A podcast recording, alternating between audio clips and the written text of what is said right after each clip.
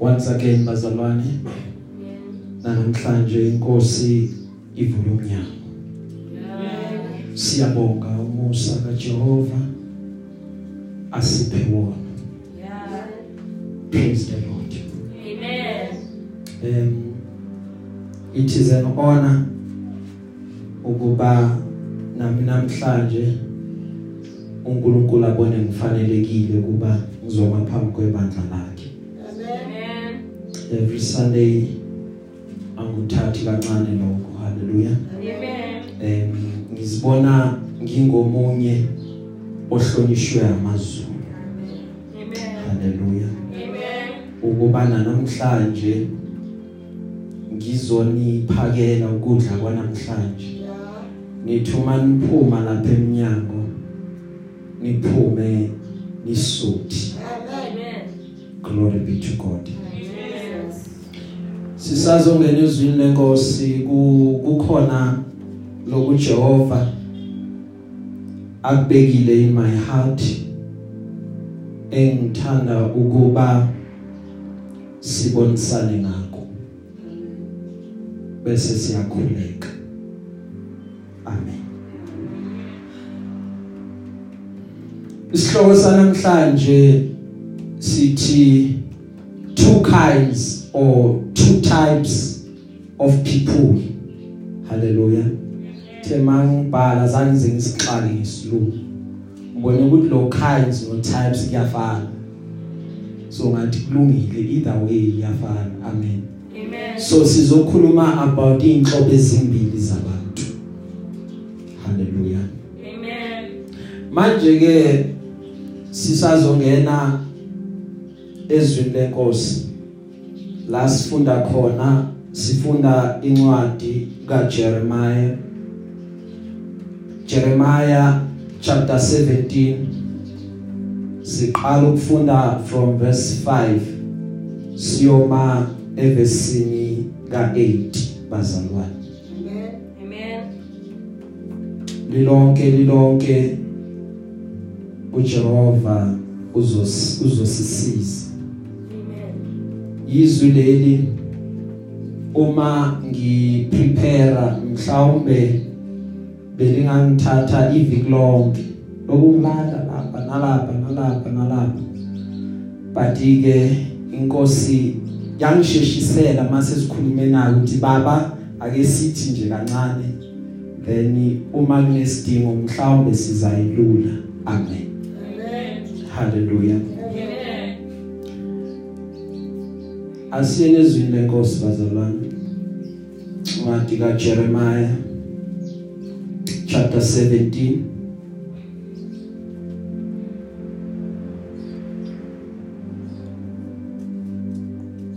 Ngithanda ukunibingelela nonke ngelihle igama lika Jesu amen. Ngibingelela abazalwane abasibukele online ngelihle igama lika Jesu Ngibingelela abazalwane abazosibukela later. Ngokusizwa inkosi. Amen. Amen. Ngibingelela abazalwane abasilalelayo bazalwane both ku WhatsApp na kuma podcast amen.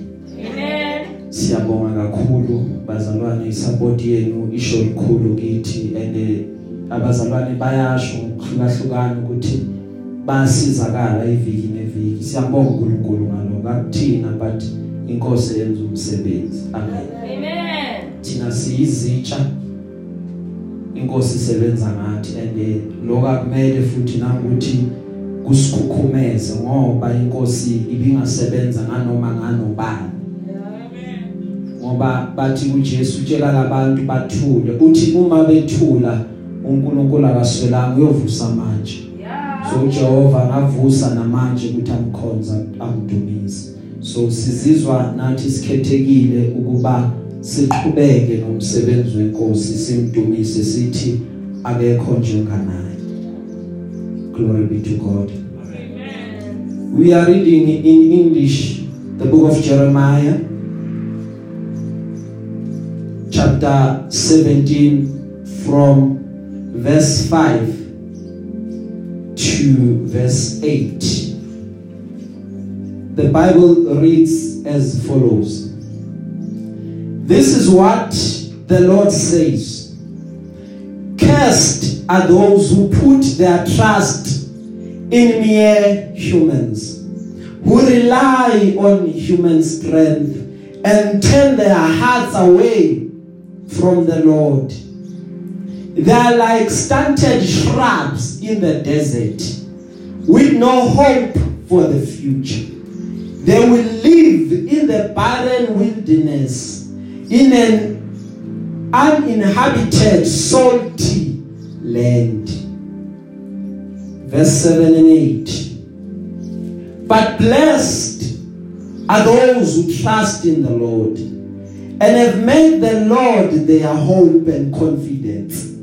They are like trees planted along a river bank with roots that reach deep into the water.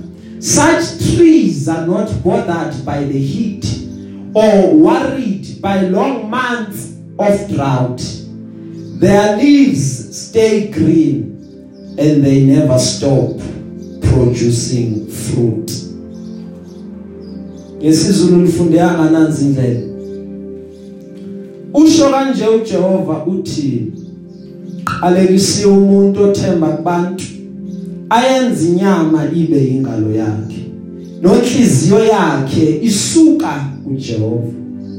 Uyakuba njengesihlahla esiyize ehlane angaboni ukuthi kuyeza okuhle.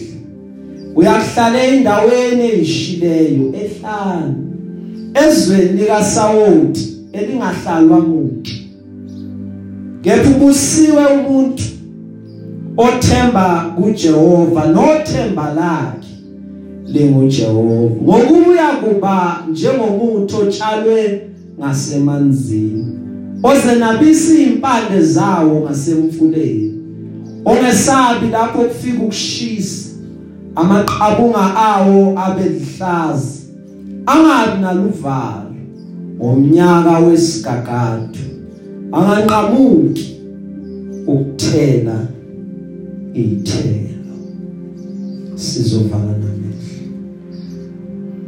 Lord we thank you ngezwi lakho inhliziyo zethu namanje zomele ilambele ukuzwa wena ukukhulumisana nathi. Khuluma ke Nkosi osuku lwanamhlanje uguqule impilo zethu. Siyakudinga simakade moyo engcwele siyakudinga namanje.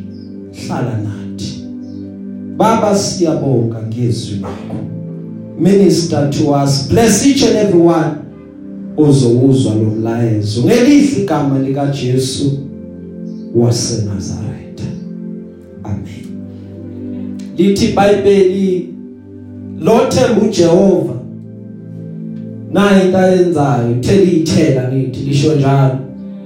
Lithi incwadi yamahubo mikhuluma laba balungileyo bayahluma.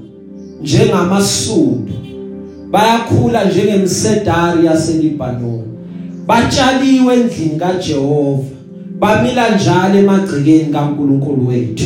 Nasebudaleni babo bayakuthela izithelo bahlume njalo uma babona bahlala balihlaza why? Because they always produce fruit.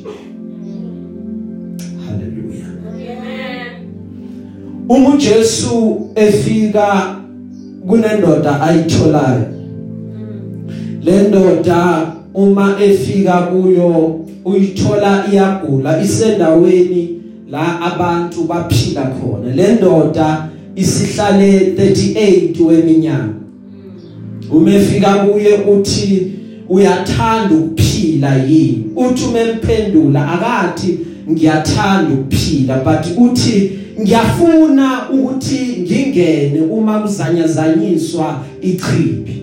But njalo mangithi ngiyaphakama sekukhona umuntu ongene before mina. Because bekade kukholelwa ukuthi umingelosi siqeda ukuzamazamisa ichibi. Lo ongene qala nguyena oyosinda. Lo oza ngemuva akakwazi ukuthi asinde ngoba laba abanye sebam overtakeile so for 38 weminyaka le ndoda uma ithi yaya njalo kunomuntu ongena before yena. But siza uJesu engaqhubeki nenkulumo yakhe ayandisa athi kuye thatha uhlaka lwakho usukume bese uyahamba ngoba manje sewuphilile. Le ndoda into ebekade imgulisa kakhulu akukona ukuthi angikwazi ukufinyelela emanzini but ukuthi i have no one ukuthi angithathe angifake. Ngoba uma siphila siyaye sidevelop le reliance kubantu abathile esondelene nabo. That is why namhlanje ngifuna ukukhuluma ngeinhlobo ezimbili zabantu. Uma iBhayibheli silifunda lithi iBhayibheli lasiqale khona kukhuluma uNkulunkulu uqobo lwakhe eaddressa abantu. And this thing ngasikhathi siyayi overlooka ngasikhathi sithathele enhloko bazabantu basigile. Uma sebegilile kula uzobona khona ukuthi ya umuntu akusinto yokuthenjwa. Bangagilo lokubathemba uthi omunye ekhuluma kunobudlelwane onabo obumiswe ukuyindaba zakho. Ungakhulumanga lutho kumzala ubudlelwane benabahambi kahle. The only time azokufonela uyazi ukuthi wena uhlala uphethe iphepha elishisayo about impilo yakho efanele ukuba umtshele lona so that ubudlelwane benu buzoqhubeka buye phambili. Now that is why you need ukuthi ubuke laba bantu abasondelene nawe ukuthi unohlobo lunjani lwabantu oliseduze kwakho. I have learned empilweni ukuthi abantu ukuzubona ukuthi laba bantu banami because bangasho ukuthi sinawe but ubabona kakhulu uma kubhlungu kuwe. Uma wehlelwa isimo bekade ungacabanga ukuba singakufikela kula ubona khona ukuthi oh lo velo bekade nami. No no no lo velo bekade ngekho nami. La la la emndenini khona omunye engezwa ngaye nje ubudi waya kumalume wakhe. Mefika uyamthola umalume hle nomalumekazi wathi malume ngizontshela nje umkhululeke ningakhathazeki. Ningayithathi insurance mina senginifakile mangenzeka anything malume khululekani. Ngizobe ngikhona ngizophuthuma ngifike. Manje ngoba impilo akukho la sasayini contract masifika khona kithi. Ukuthi la emhlabeni wena uzohlala for 21 years ngoJuly uyahamba. Akukho la sabhala khona. Okwenzeka ke kwashona yena kuqala. Wasala umalume ephila nonkosikazi wakhe. Because impilo ayina guarantee. Impilo ayina contract oyisayine phansi. Ukuthi noma sekubheda hayi ngizotoyitoya ngenze cha.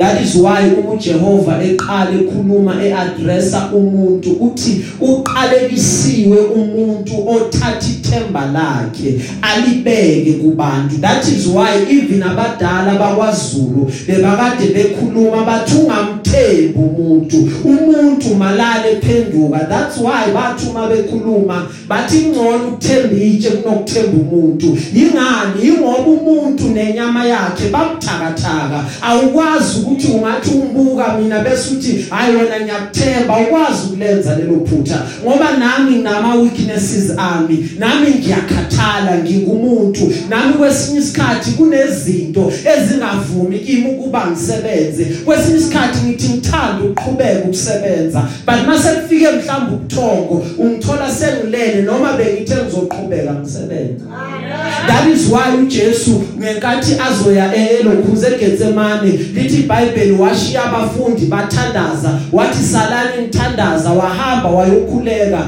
Uma esakhuleka wabuya uJesu wathi umezobabheka wababona balele because inyama yomuntu inako ukuthi ibe njani ibe nobuthakathaka because why?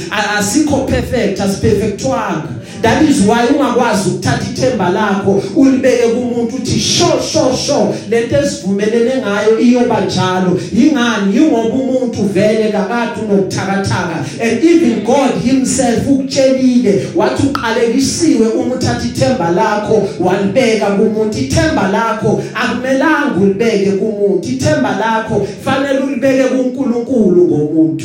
Amen. ungamthembi umuntu.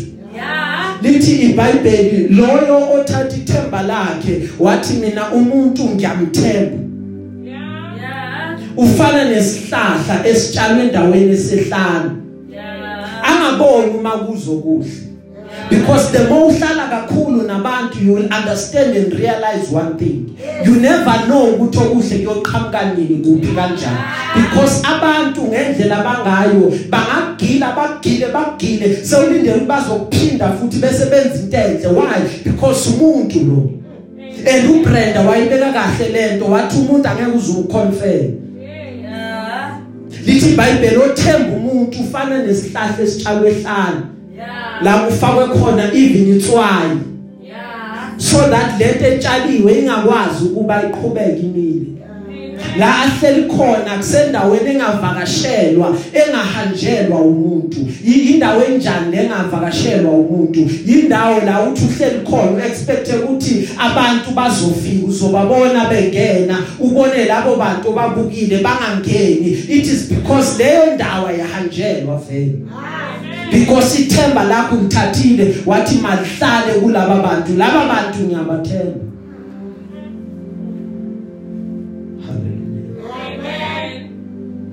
bese athi uNkulunkulu mekhuluma ubusiwe umuntu othemba kuJehova nothemba lakhe Yeah. lenguJehova Amen. because lo because uyabona ku- kukhona that contrast. Lo lo munye othemba umuntu utshalwe desert. Lo othemba uJehova ufana nesihlahla esitshalwe ngasemanzini. Elithi iBhayibheli selulela ama roots aso impande ziselulele ziwalulele emfuleni. Haleluya Amen. mawundlula uzosibona it's evergreen.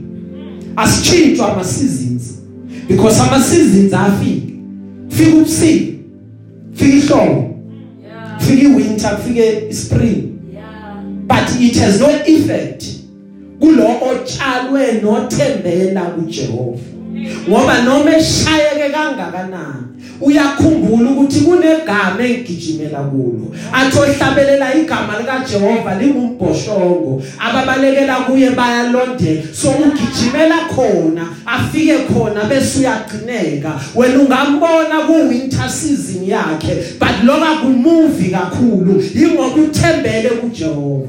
Amen. glory be to God. Amen. noma kufika ukushisa Yeah.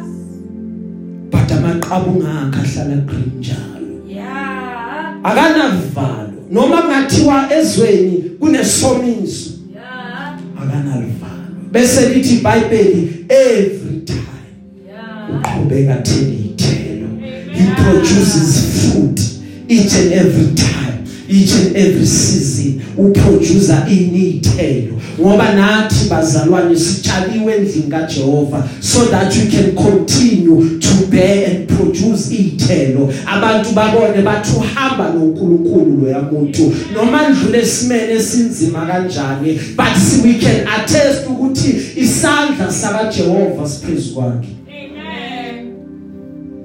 babili abantu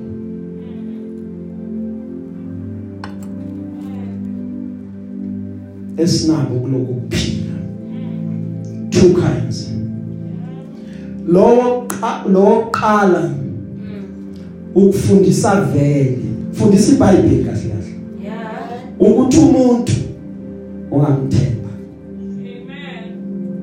ngoba uJeremiah uma ehla ubuya athi inhliziyo yimbi Yeah. inhliziyo ingumkhohlisi Yeah. ubani ongayazi inhliziyo because uthi ubuka olunye uhlobo lwabantu uthi hayi man lo muntu wazi waba nenhliziyo embi uphila na besibona hey ngifunda impilo life lessons Yeah. khona la ufunda khona ukuthi kungcono ukuthi uyimele kunokuba uthembele kubantu ngoba kunezinto eziyoma uma ungafundanga ukuthi uzimele Amen. haleluya Amen.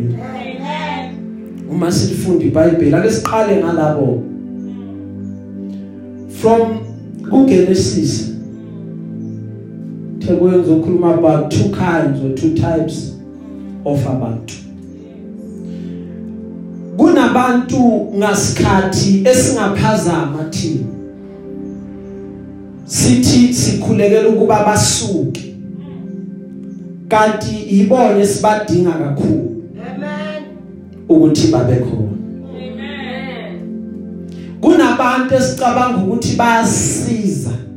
Yeah. with all good intentions bangenze kubi but aba speed up iprocess yokuphakanyiswa noma yepromotion yakho. Amen. amen. Umuntu umephila kuyekwenzeke kwesinye isikhathi avukelwe izitha avukelwa abantu abamelene naye. Ungathi mawuthandaza uthi inkosi ngicela uyisuse lezi zitha zami. Laba bantu bangiphilisa kabuhlungu. Kanti yibona kanyo badingayo ukuzicebo la kaJehova lipheleliswe Yeah. that is why lithe iBhayibheli izitha zakho awuyiqalekisi but ukhuluma okuhle kuzo. Y- y- yabo that difficult part. Uyambona lo uyisitha kimi. But awusho ukuthi hayi inkosi vele lona ngimfisela ukubi kwasha kwacima kanjani no. Ukhuluma okuhle kuye. Amen. baba kangifuni. Ziyehla inyembezi ngiyakhala Yeah. ngikhala nje kuye. Bathi mbusise Jehova. Yeah. busisa nekhaya lakhe. Umenzele kahle konke akufisayo. That is umkhuleko okhulekela izitha hayi abangani bakho. That's the most difficult part. Phela lo ngithandayo hayi kulula. Ha Jehova mphe konke akufunayo mphumelelise menze hayi uyangithanda vele. Yeah. umkhule kwakho uphuma kalula. Hayi baba ungitshelile wathi ufuna nokwakha lapha. Jehova mbusise abe nemali athenga izitina mali sitha sakho masithenga izitina ikhona lento esicifile ukholwa uthandayo. Yeah. but ithe iBhayibheli kumele umkhulekele kahle.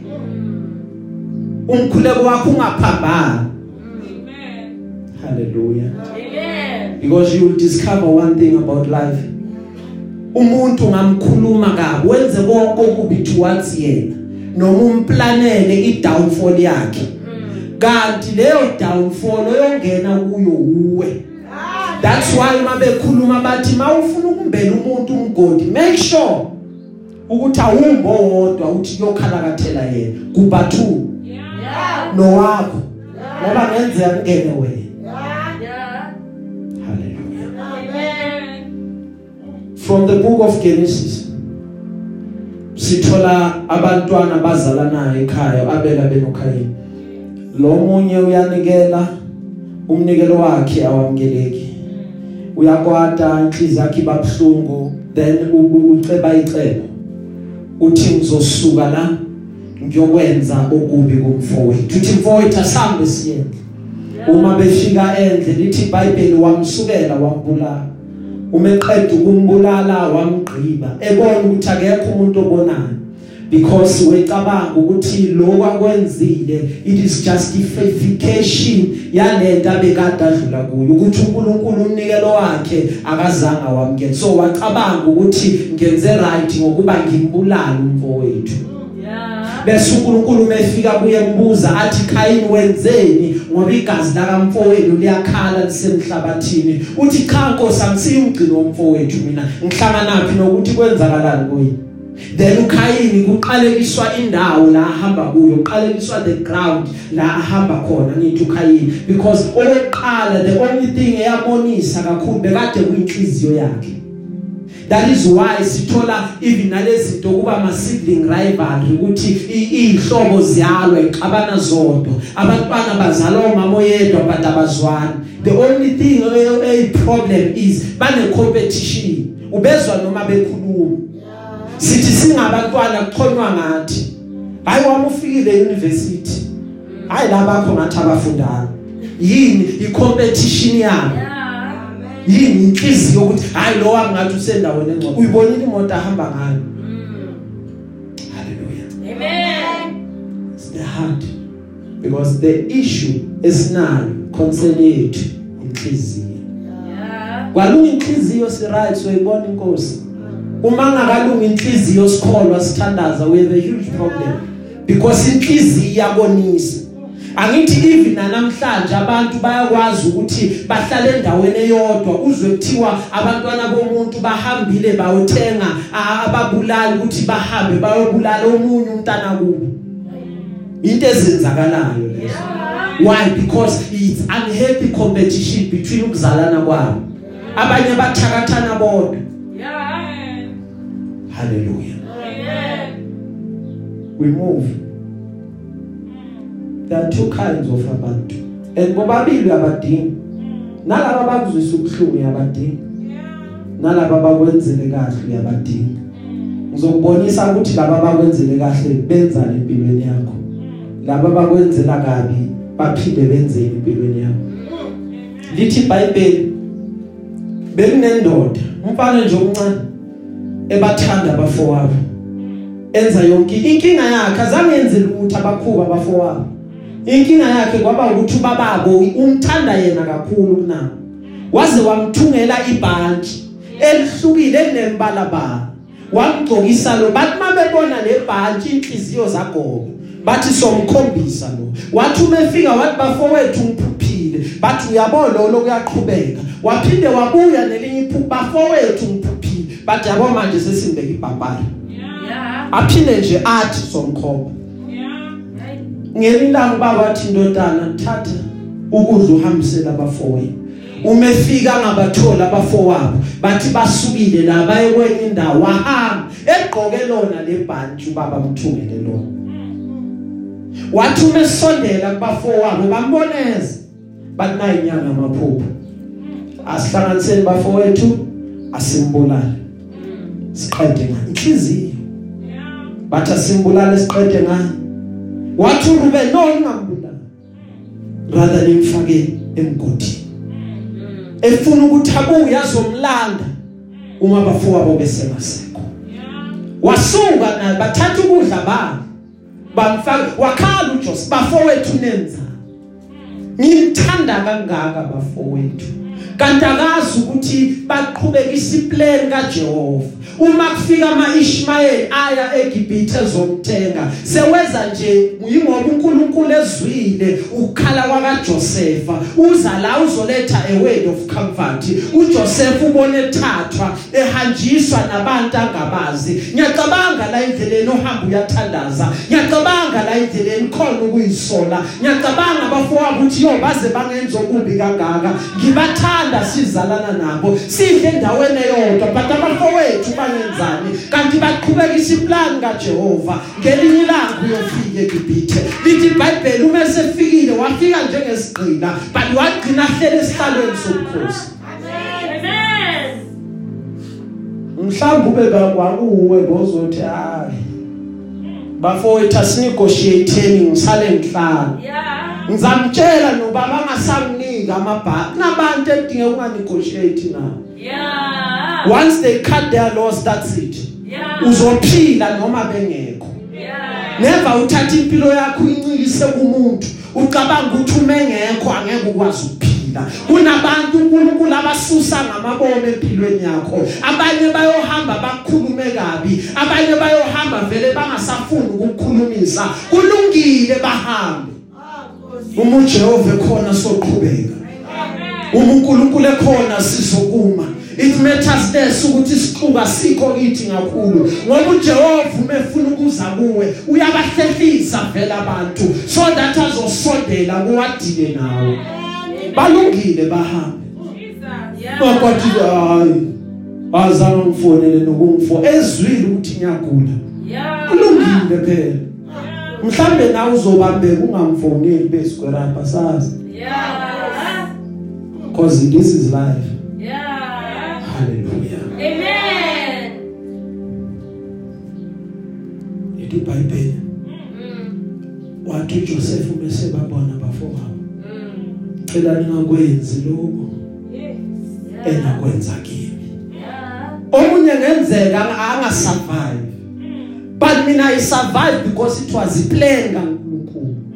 So kunabantu Jehova basondeze empilweni yakho.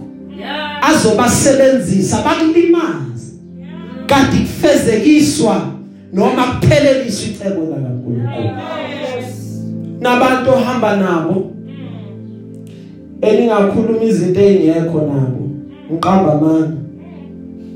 Kanti niyobanjwa le phambili.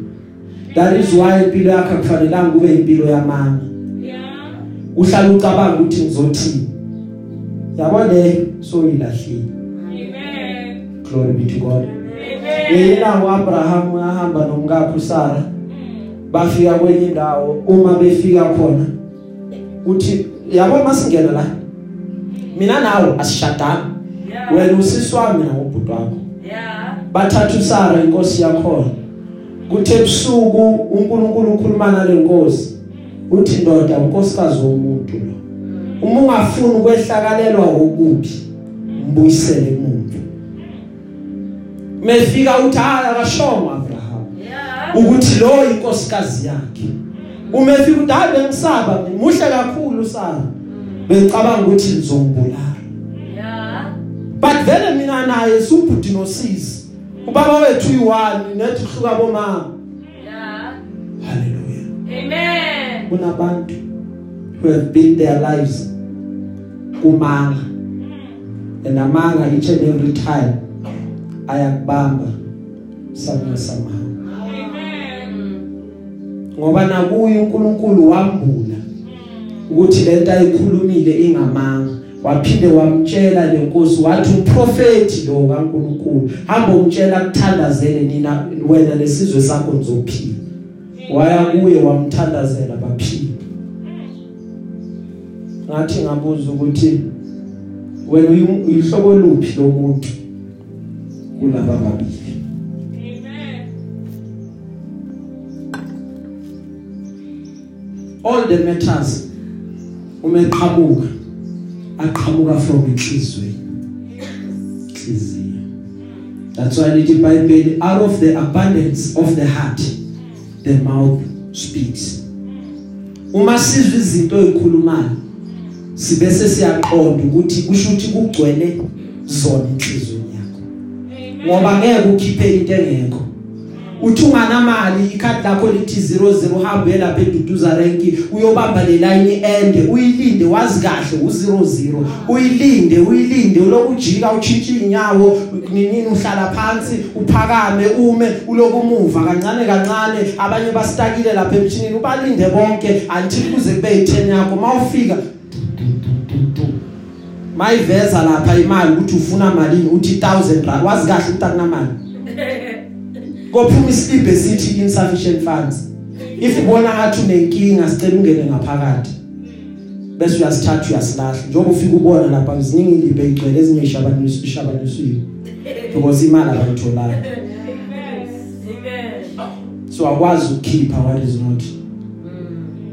Gcwalisa inhliziyo yakho ngezinto ezinhle. So that kuzophuma okuhle kodwa haleluya Amen. Lithi ke iBhayibheli uma silifunda kukhona owesifazana indaba yakhe ethi bekade eshade nenkosi igama lakhe uJezebel bekuwa owesifazana ongalungile lithi iBhayibheli inhliziyo yakhe bekade ikhohlalele ngendlela yesimanga kwaba khona isimo esifaka indoda yakhe uAhab.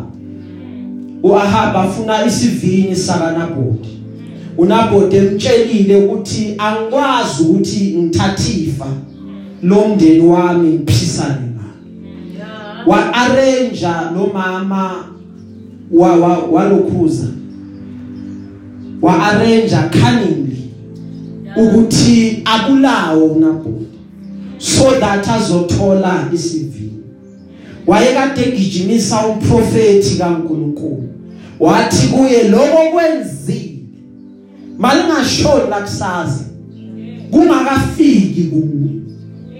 Wabaleka umprofeti kaNkuluNkulu ebalekiswa yizwi laka Jezebel lithi iBhayibheli uNkulunkulu wayeloke embukile eloke embukile eloke embukile until kwaze kwafika ekugcineni.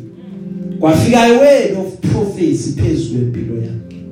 Watshelwa ukuthi wena uyawukufa isidumo sakho sidliwe izinja and kwenzeka exactly because indlela bekade ahlupha ngayo ibikade seyifike ngaphezulu. Umuntu nomuntu ohlupha abangcwele bakaJehova Jehova uzodilana. Akukona kwethu. Amen. uattenda such matters and such cases glory be to God Amen. khona umunye wesifazane lithi iBhayibheli lo wesifazane wathengwa wanikwa imali kwathiwa awusitholele ukuthi amandla nendoda kuphi Yeah. siyamazi sonke igama lakhe uDilaya Yeah. lithi iBhayibheli wayeloke emncane njalo uSamson. Yeah. Samson isithando akupha amandla akho? I need to know ukuthi amandla akho angakuphi lithi iBhayibheli wayengamtsheli uSamson eloke emlahle emlahle. Eloke emtshela okunye amtshela okunye. Eloke retain amandla akhe. But ngelilinye ilanga elilodwa wawakhipha imfihlo zakhe. Wawakhipha amakunutu.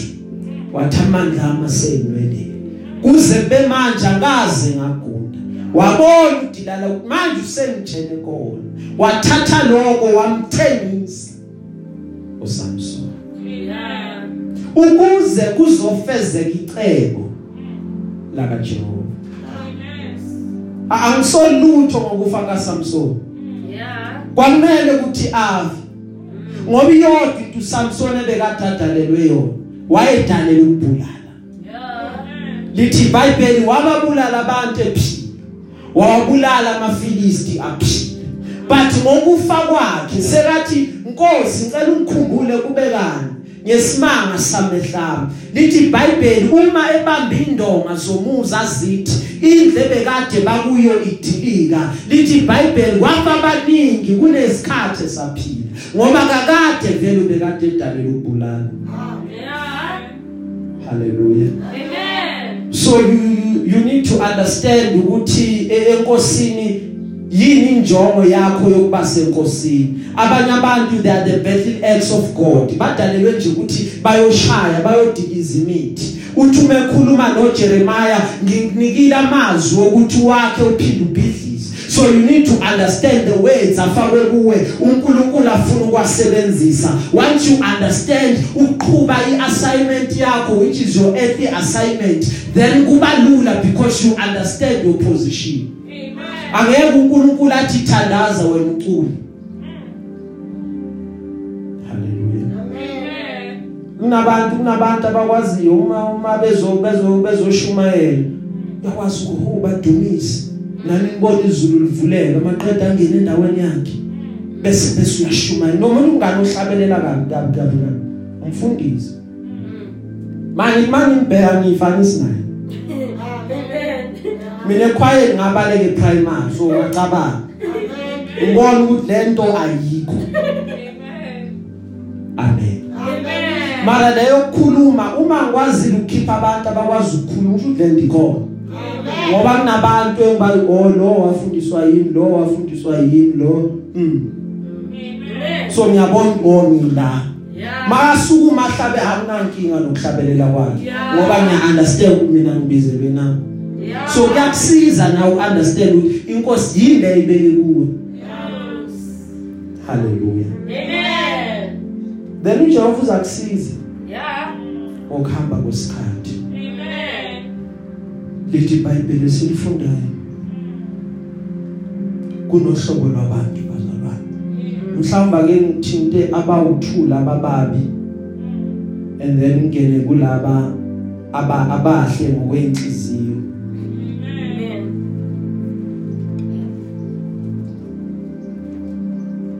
kukhona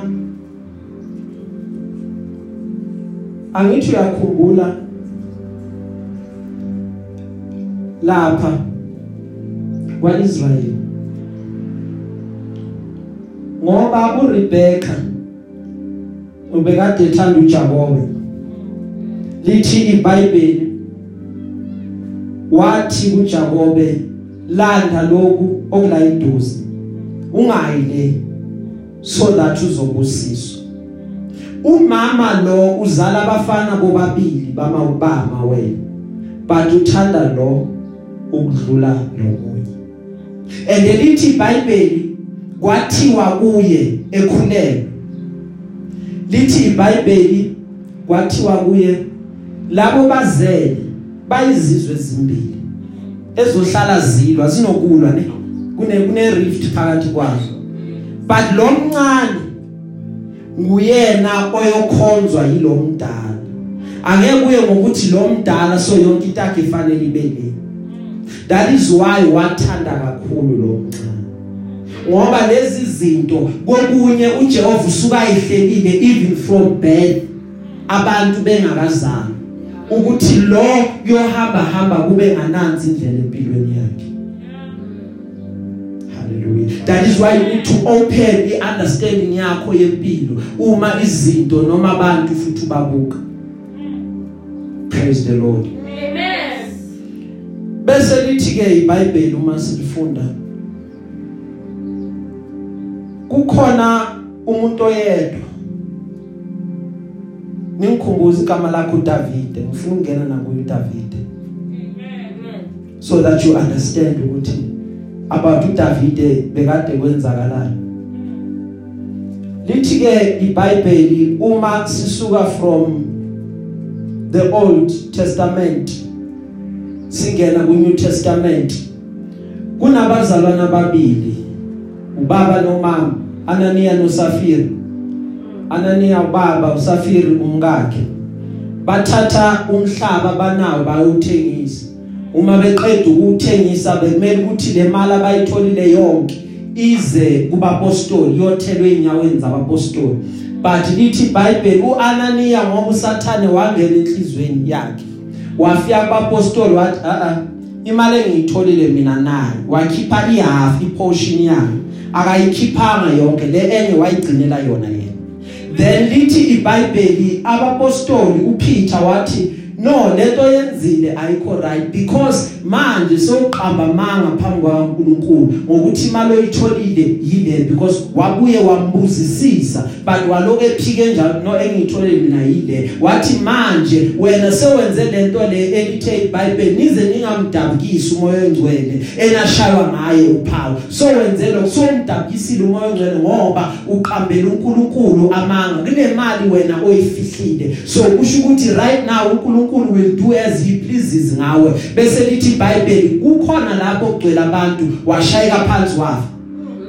Kwezabantu bazomthatha bamsonga bahamba bayomncwaba wafika umkakhe usafiri. Umefika usafiri umengena uyezwa ukuthi kwenzakaleni ngendoda yakhe. Then uyabambuza imali enitholile yiyo yona le kuphela. Wathi mm ngoba le mali bebafuna ukuyigodlela yona ba- bayidle babodwa. But umpostoli waphinde wamtshela wathi lokho kwenzeke endodeni yakho laba bantu basesela emnyango bazongena bazothatha isidumbu sakho washaya phansi naye khona omunye ke mhlambe ngathi okugcina igama lakhe uJudas. Lithi iBhayibheli wayekade ehamba noJesu esondelene noJesu edla sitshe sinye sitsha sinye noJesu. Ngoba ibetrayal never comes from unfamiliar faces. Ibetrayal njalo iza from abantu bajwayele abantu abazokudayisa yilabo abakwazi mangisuka la ngo7 ngihambe ngiye emsebenzini ngibuye la ngo5 akekho umuntu oqhamuka le eDurban ozofika ngidayisa ngangazi ngizodayiswa lo ngibona every day owazi routine ya hayi mina ngenza nje ngijwayela mina kimi akusese nayo routine hayi phuma ngo7 yakijima yini ngeyilanga ngile mara khona lo ngibhekile hayi ubhuti walapho uphuma ngo7 mawumfuna ufike 5 to sekazophuma ngoba ini sebonile uyazi. That is why uma uJudas edayisa uJesu lithi iBhayibheli wathi baningi bona labantu engiyofika ngihlangane nabo esiyofika sibe phakathi kwabo. But lo engiyofika ngimhage ngimnikeze ukiss nokwazi ukuthi uyi that is the betrayal kiss. So not every kiss is godly. Abanye abantu mabefika no kiss bazela ukuzokudayisa wena ucanga ukuthi bayakuthanda hayi. That is why even ihug it's a mystery. Uthi zehle inyembezi ukhala wehlakalelwe isimo esibhlungu afika umuntu athi woza la ngohagi ufika umhagi ubhekelele ubhekelele kanti uyahleka yena uthi ha vele ibekwe implanile seyenzeka according. Awubona ngithi mekhathi Yeah. bezathe isimo sakho sibhlungu shema hey baxoshile lapha ecompany nithi ngivele. Kanti ujabulile uyowenza ukuthi kuxoshwe? Yes. hallelujah. Amen. because betrayal comes from places esizaziyo. Abanye abantu ukuthi sisuke sabatshela imfihlo zethu bagijima nazo bayoqeda. ngathi that is why kunezinto efanele ukuthi uyigodla uyigodlisise impela so that kubantu abathile zingafiki. Ngoba wazi ukuthi kuyofika inendleleni zezitha zakho. Ezizoyithatha lezi zinto zinqume ukuthi masiyisebenzise lezi zinto siyoqeda ngayo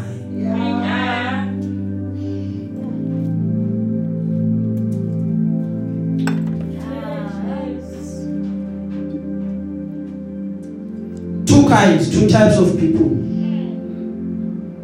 Judas wamdayisa uJesu.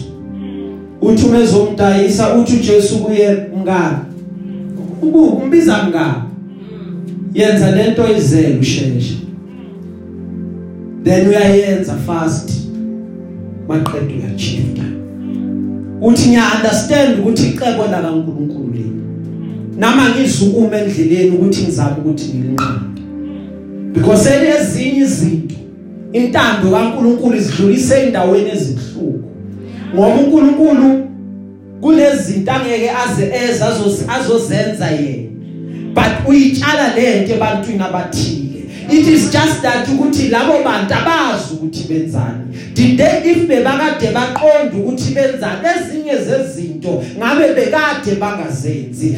uStefana bemkhanda ngamatshe lithi iBhayibheli wathi baba bakwazi lokho abakwenzani.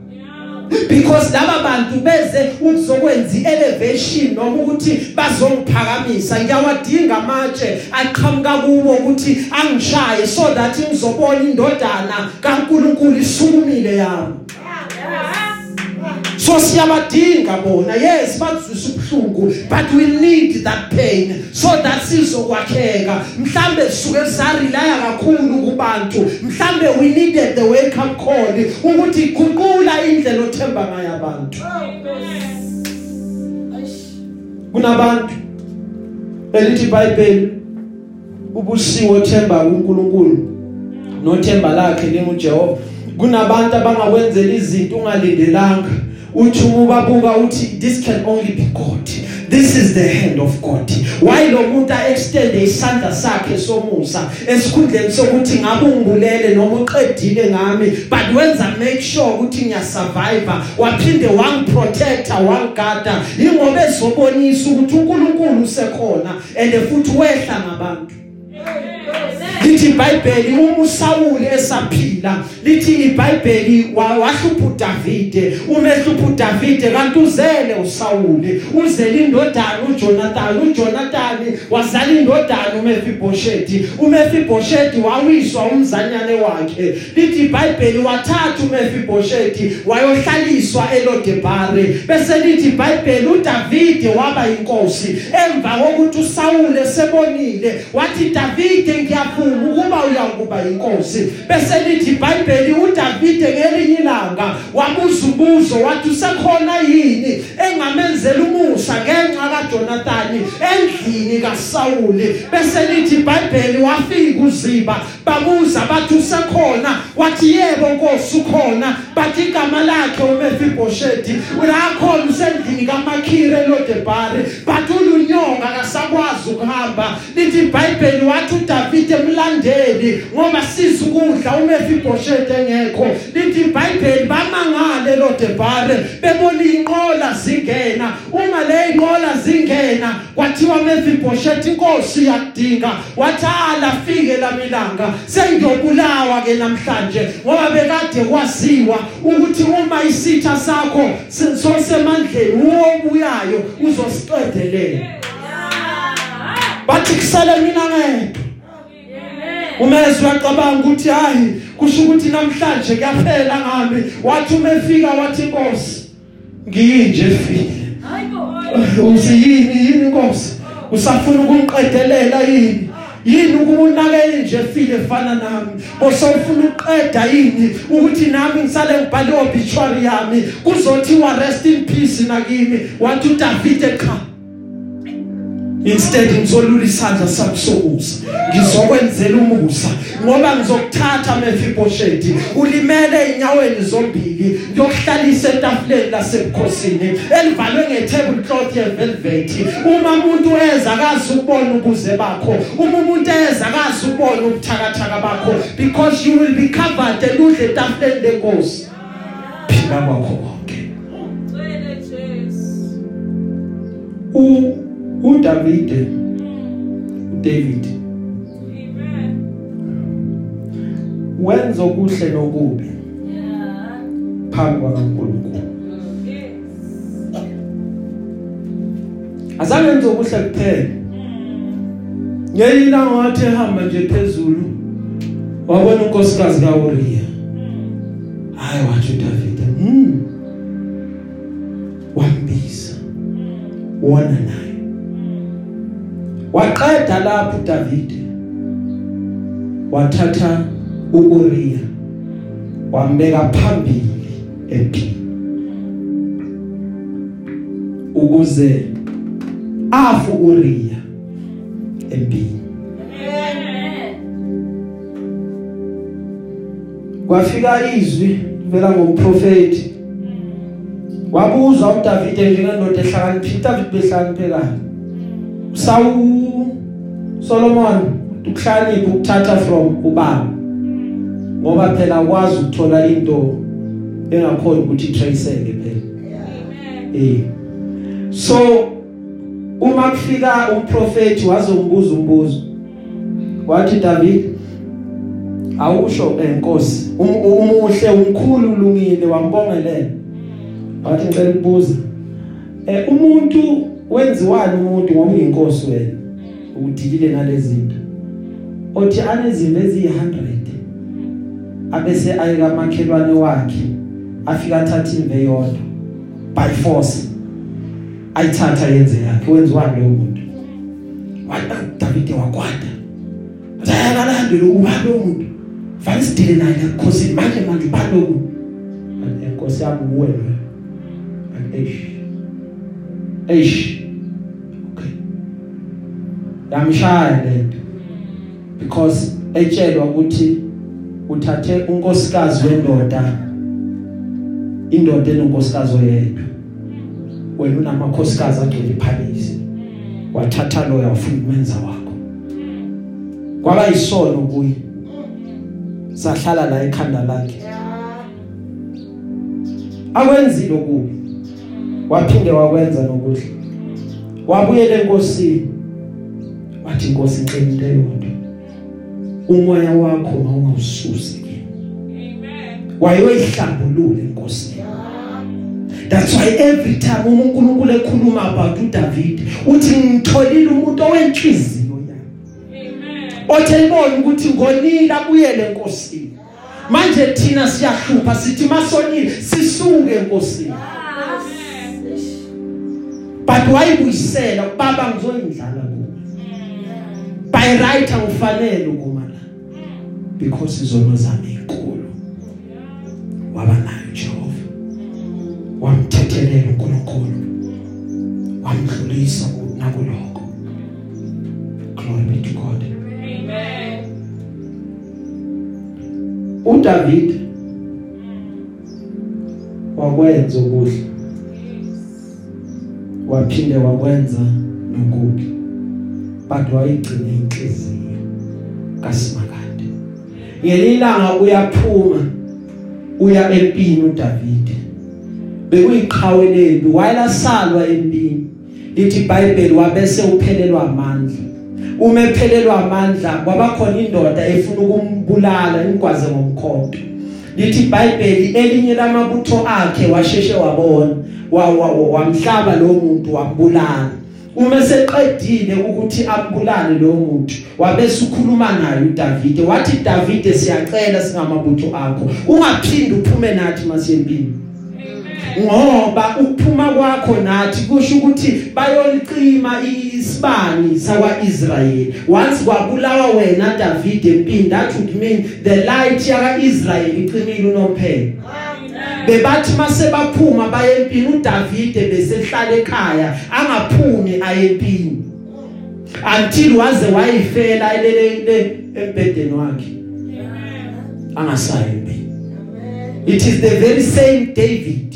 Elithi iBhayibheli kwabekwa amandla wobukhosi esegcotshiwe kanje. Kwathiwa uSaul uyinkinga empilweni yakho David. Lokhu yakuzingela ufuna uqeda ngawe. Lithi iBhayibheli ngelilanga wathi embalekela uSaul wahamba wayoyifihla emuhumeni. Kanti kwatholakala ukuthi no, no Saul ku the same muhume lo bekade uDavid ayifihle kuwo. Bese lithi iBhayibheli wathi uDavid umesevukile namabutho akhe bathi kuye nasi isitha sakho uJehova ukubambele ngene uyoqeda ngaso. Wathatha umkhonto wakhe uDavid waya kuSauli wabathola bonke balele lithi iBhayibheli wasika nje umphetho wengubo yakhe. Waphumela ngaphandle wathi baba Nkosi uSauli yimi uDavid wathi uDavid wathi uSauli yebo ndodana yami ngiyakuzwa uthini? Wathi inkosi yami ngicela ubheke ingubo yakho. Uzonothisa ukuthi kune peace portion engekho lapha ile ngiyibambe la isandla esandleni sami. Mina Saul bekade ngine nginethuba lokuba ngikubulale ngiqede ngawe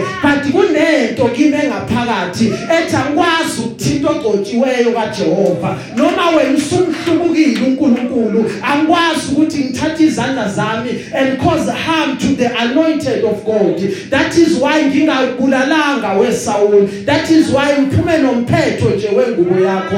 Bese lithi iBhayibheli wathi uSaul sengiyazi indodana yami ukuthi sholi kwaIsrael wena inkosi ngicela ungenzele into eyodwa ukuthi inzalo yami ungaqedi ngayo the day sewuhlele emandleni that is why uDavid wabiza uMephibosheth wamenzela umusa Amen. Yeah. Glory. Amen.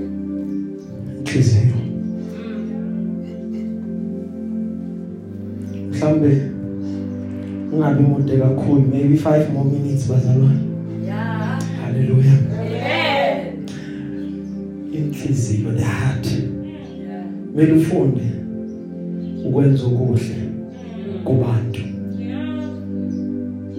and impilo akuyona ngisho lo impilo akusiyo society Mm. impilo akusiyo stokvel or umshayelwane Yeah. siyimpilo le Amen. Ukuthi ngisestokfeleni nothandazo ngiyamshayela. Next month sivumelana ukushayela wami ngithandaza ngangishayeli bese ngiyamlanda. Akusiyo impilo le. Yeah. ngizama ukuthini ke? Ngizama ukuthi ungenze okuhle kumuntu. Maqeda umbuke ngamehlo wakho womuntu. Uthi ngiyatshala la kusebank Yeah. uzobuya kusasa zongisiza. Umuntu akusiyibank amabhenki ale emamola ngithi umuntu umuntu Amen. ungalindela ukuthi uzoza zongisiza abambe abambe kwangempela Yeah. uthi ngithe uzofika athi being very critical esibhedlela bese uthi mawumphile wamsiza umuntu bamba ukuthi nawe khona phambili abayoba nomusa Amen. yenze angabi lokubujwayela Yes. but khona nawe. Abayokhuluma bathi nongibona inhliziyo yakho yinhle. Ngathi angikwenzele nawe. Bese wena usale uyakhumbula oh leya 5 ne10 engangiyisiza. Shuthi sekubuya kimi ngale ndlela njengoba sengidinga kangaka. Amen. glory be to God. Amen. kube sekuba nohlobo lwabantu bazalwane. Abasisizayo who help position us.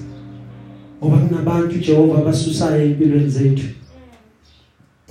Kube khona nalabo uJehova bagcinayo. Bagcinele nje for the sound advice. Sound word abasinika yona. Abantu abakwazi ukuthi basalane bathi manje bese ngathi uyaphuma elayinini. Buye elayinini.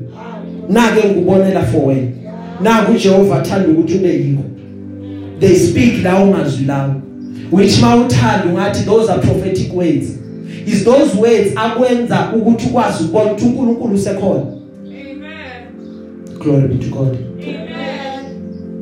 from from from scripture uma silifunda iBhayibheli sibona abantu abafika. Uyakhumbula uDaniel nabafowabo? Lithi iBhayibheli bathi uma befika lapha eBabylon uma inkosi sebathathile yabathumba lithi iBhayibheli kwathi uma laba beyongena emlilweni uDavid beka uDaniel bekade bathandazela. Uma amatafula sewaguqukile sekuthathwa yena afakwa emphandleni weingonyama abafowabo azange balale nabe bakade bemkhulekela because kuyadingwana. That is why even u- u- u- uPaul lithi iBhayibheli bathi sebaboshiwe encwadini yezenzo lithi iBhayibheli umgcini iboshwa masekathi uhosha inkemba uyayibulala lithi iBhayibheli wathi ungayibulali sikhona sonke Amen.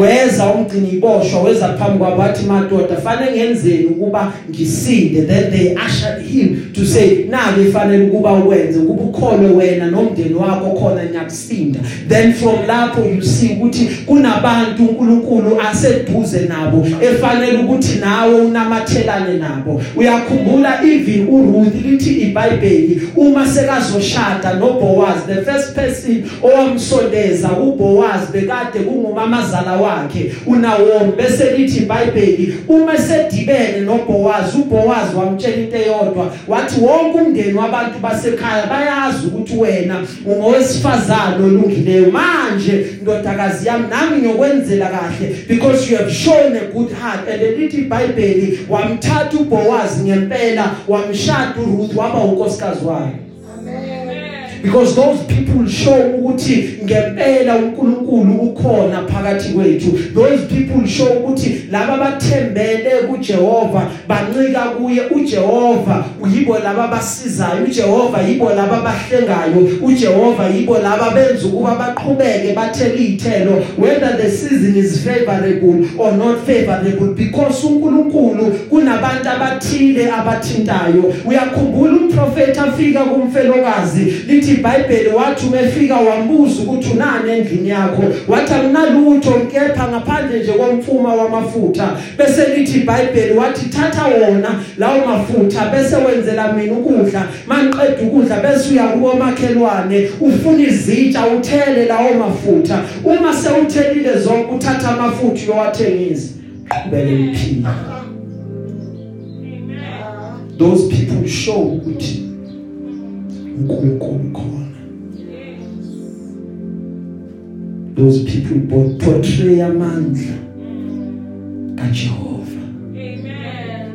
that is why ke sesigcina bazalwane kumele ukuba ungamthembi umuntu. Themba uJehova. Uzowabona amandla kaJehova. Awuthi noma uphuma usuka every day kwawonke ama encounter ozoba nawo nabantu qale emthandazweni. Noma ufika lapho Jehova ngihambele ngaphambili. Amen. siphathane kahle nalabo bantu engiyobe ngidila nabo. Mathemba monke kuwe khona isikhathi la uyodinga khona umuso extendiwe. Kula uJehova azokuvelela khona umbono. Amen. but uJehova umevela uvela ngesandla somuntu. That is why we have to pray. Lithe iBhayibheli sikhulekela bonke. Asibandlulula skate Yeah. khona sizophila kahle. Sibathandazela bonke.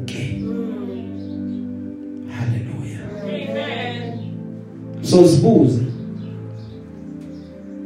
ukuthi wena uyihlokela umuntu kulabo babili ingabe usebenzele ukuthi uyo capsize ama plan kaNkuluNkulu empilweni zabantu?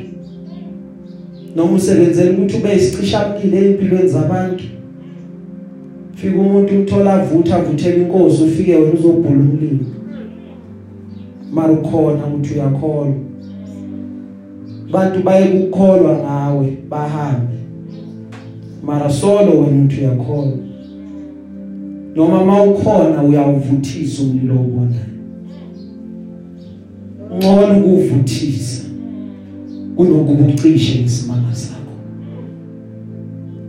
Kubhlungu uma abantu besuka enkosini kanti the number one cause bekade kuwe ukuthi wena wabaphatha kabi uNkulunkulu akasize even inhliziyo zethu. Noma uJehova siphakamisa kangakanani ngokwelevel asimuvela to the next level singaphakami thina. Sibona abanye abantu ngathi singcono kunabo. Amen. makasize uNkulunkulu adile nezinhliziyo zethu. So that abantu njalo uma bedibene nathi bazothi ukhona uNkulunkulu. yamuntu Amen. ngimbonile uNkulunkulu wakho uyaphila uma senze njalo bazalwane so besiphile ngendlela ejabulisa amazulu Amen. mangabongwe Jesu Amen. sizosukumana sivale ngamehlo emva kwaloko I will say a short prayer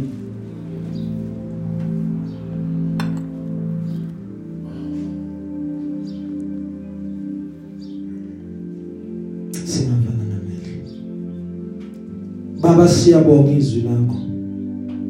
Nkosi sibonga indlela okhulume ngayo. Ukhulume kahle.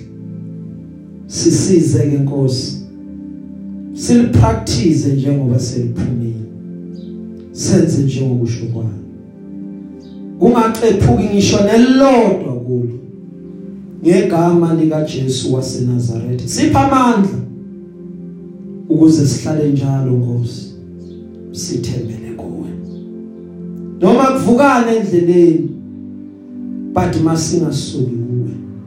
Ngoba izwi lakho lishilo futhi liphelele linjalo.